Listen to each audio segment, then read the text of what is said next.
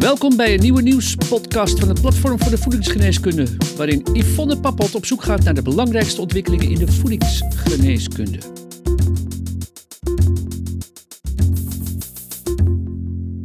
Hallo luisteraars, welkom bij de wekelijkse nieuwspodcast van Voedingsgeneeskunde, waarbij we jou inspireren over de rol van leefstijl, voeding en specifieke nutriënten in relatie tot gezondheid en ziekte. Ik ben Yvonne Pappot en pak vandaag een actueel voedingsissue op met Andrea van Vuren, expert in voeding en suppletie. Als thema voor deze podcast hebben we namelijk vitamine D gekozen vanwege een nieuwsbericht uit België. Door een medicatiefout met vitamine D is iemand in België namelijk overleden. Deze persoon had gedurende twee maanden elke dag een hooggedoseerd vitamine D-medicijn ingenomen, in plaats van één keer per maand, zoals de arts had voorgeschreven. Andrea, welkom weer uh, bij deze nieuwspodcast. Ja, het is een, eh, een heftig verhaal natuurlijk vanuit België. Uh, goed om, om vitamine D daarom met jou op te pakken. Er is een duidelijk verschil tussen voedingssupplementen en medicijnen, ook met vitamine D. Kun je dit uitleggen aan de luisteraar?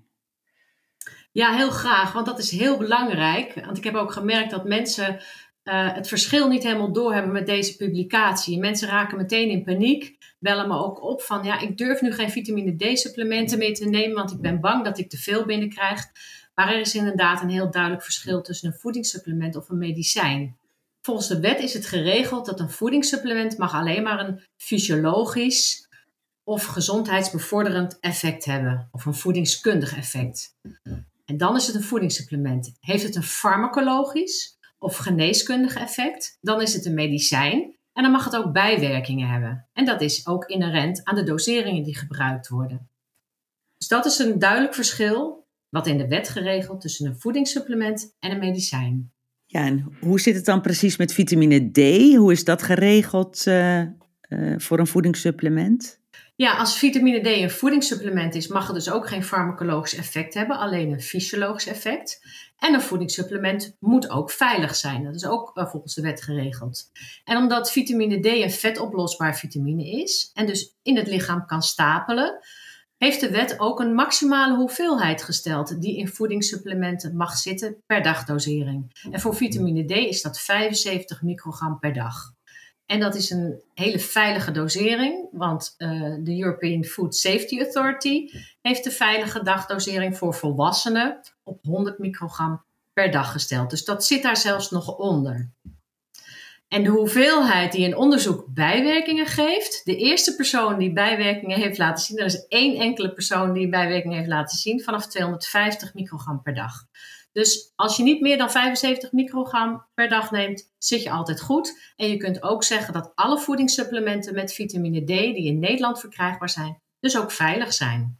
Nou, dat is goed te weten. En uh, van belang is dus om, uh, om goed het etiket te lezen en je aan de adviesdosering te houden. Ja, en dan even nog ter aanvulling. Die, die ampullen die die mevrouw geslikt heeft, die slikte ze dus Precies. dus. Die zou ze één keer per maand moeten slikken. En die bevatten wel 50 keer de dosering die in supplementen voorkomt. Dus uh, ja, als je dat dagelijks gaat slikken, dan stapelt dat dus in het lichaam en op den duur geeft dat bijwerkingen. Want eigenlijk kunnen we stellen dat vitamine D eigenlijk een heel veilig in vet oplosbaar vitamine is. Als je dus uh, bedenkt dat 100 microgram per dag nog veilig is. Terwijl de ADH ligt uh, op 10 microgram, de aanbevolen dagelijkse hoeveelheid. Ja, duidelijk sprake van een medicatiefout. Dus want hoe, hoe, hoe zit het met de behoefte van, uh, van vitamine D? Je noemt al wat de aanbeveling dus is, maar hoe zit het met de behoefte? Je hoort namelijk vaak ook dat mensen een tekort hebben aan vitamine D. Kun je daar nog iets meer over zeggen?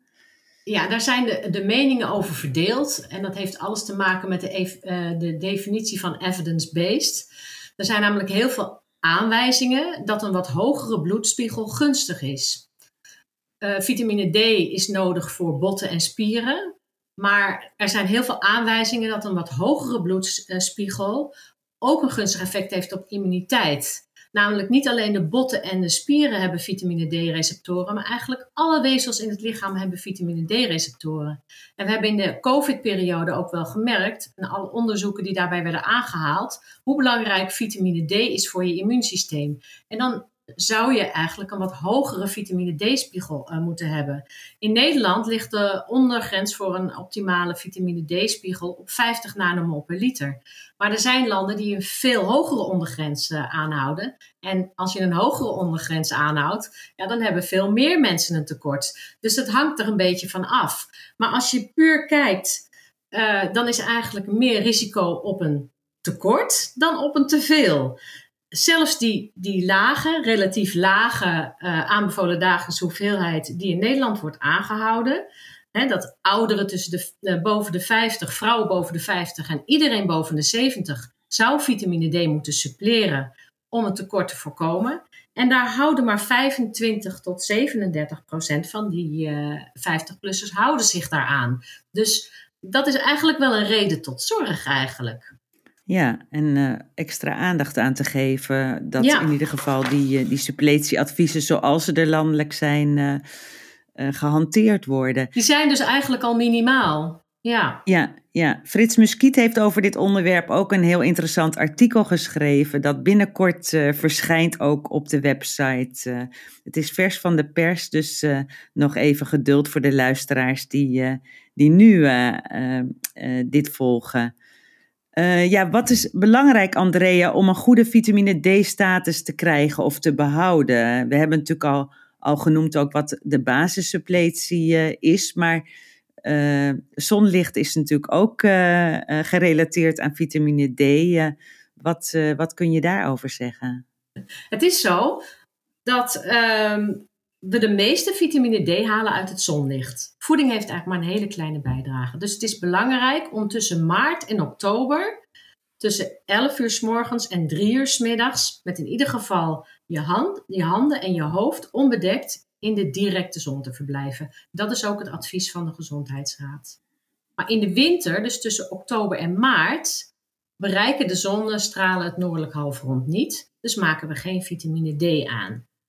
Dus dan zouden we in ieder geval moeten suppleren. En zeker de risicogroepen zouden vitamine D moeten suppleren. En hoeveel dat is, ja, uh, de Gezondheidsraad heeft het advies uh, om 10 tot 20 microgram vitamine D per dag uh, te nemen.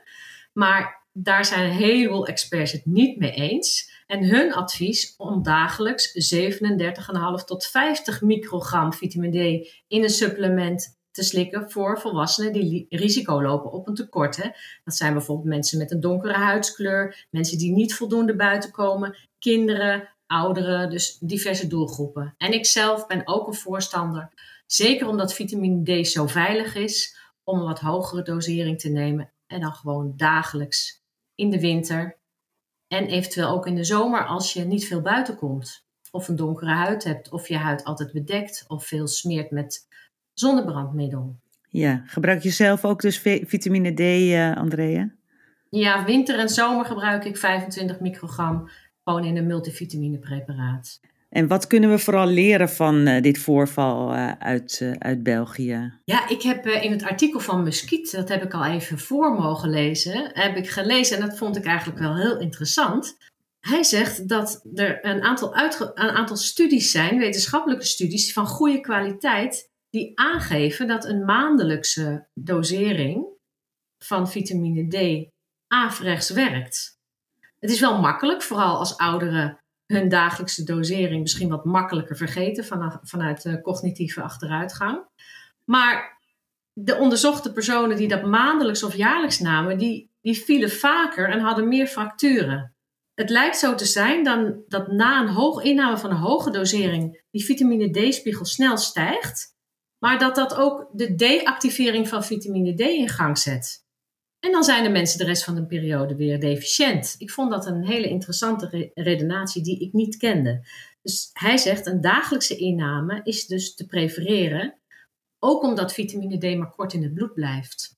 Ja, dat is nog een interessant onderwerp om verder over te discussiëren, ja, ook met, uh, met mensen vanuit de ja. praktijk uh, en de wetenschap. Uh, Ja, wat geven we tot slot de luisteraar voor boodschap mee uh, naar aanleiding van uh, deze discussie en uh, dit onderwerp?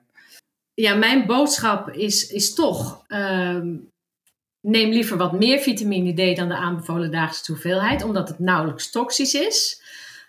denk eraan, voedingssupplementen met vitamine D, als je je aan de dosering houdt, zijn te alle tijden veilig. En ik zou graag willen eindigen met, uh, met deze quote die Frits Muskiet ook in zijn artikel uh, uh, schreef. En dat slaat de spijker op zijn kop, kop. Je druk maken over vitamine D-toxiciteit is als sterven van de dorst in de woestijn, terwijl je je zorgen maakt over verdrinking. Dat slaat de spijker op zijn kop eigenlijk in dit geval. Ja. Ja, ja, ja, helemaal goed. En tot slot het woord van de week uh, dat wij altijd uh, gebruiken. Welk woord uh, wil jij meegeven dit keer? Mijn woord is context. Als het om nieuwsberichten gaat, kijk altijd wat de context is en, en raak niet meteen in paniek. Dus context is voor mij in dit geval een, een, een heel passend woord.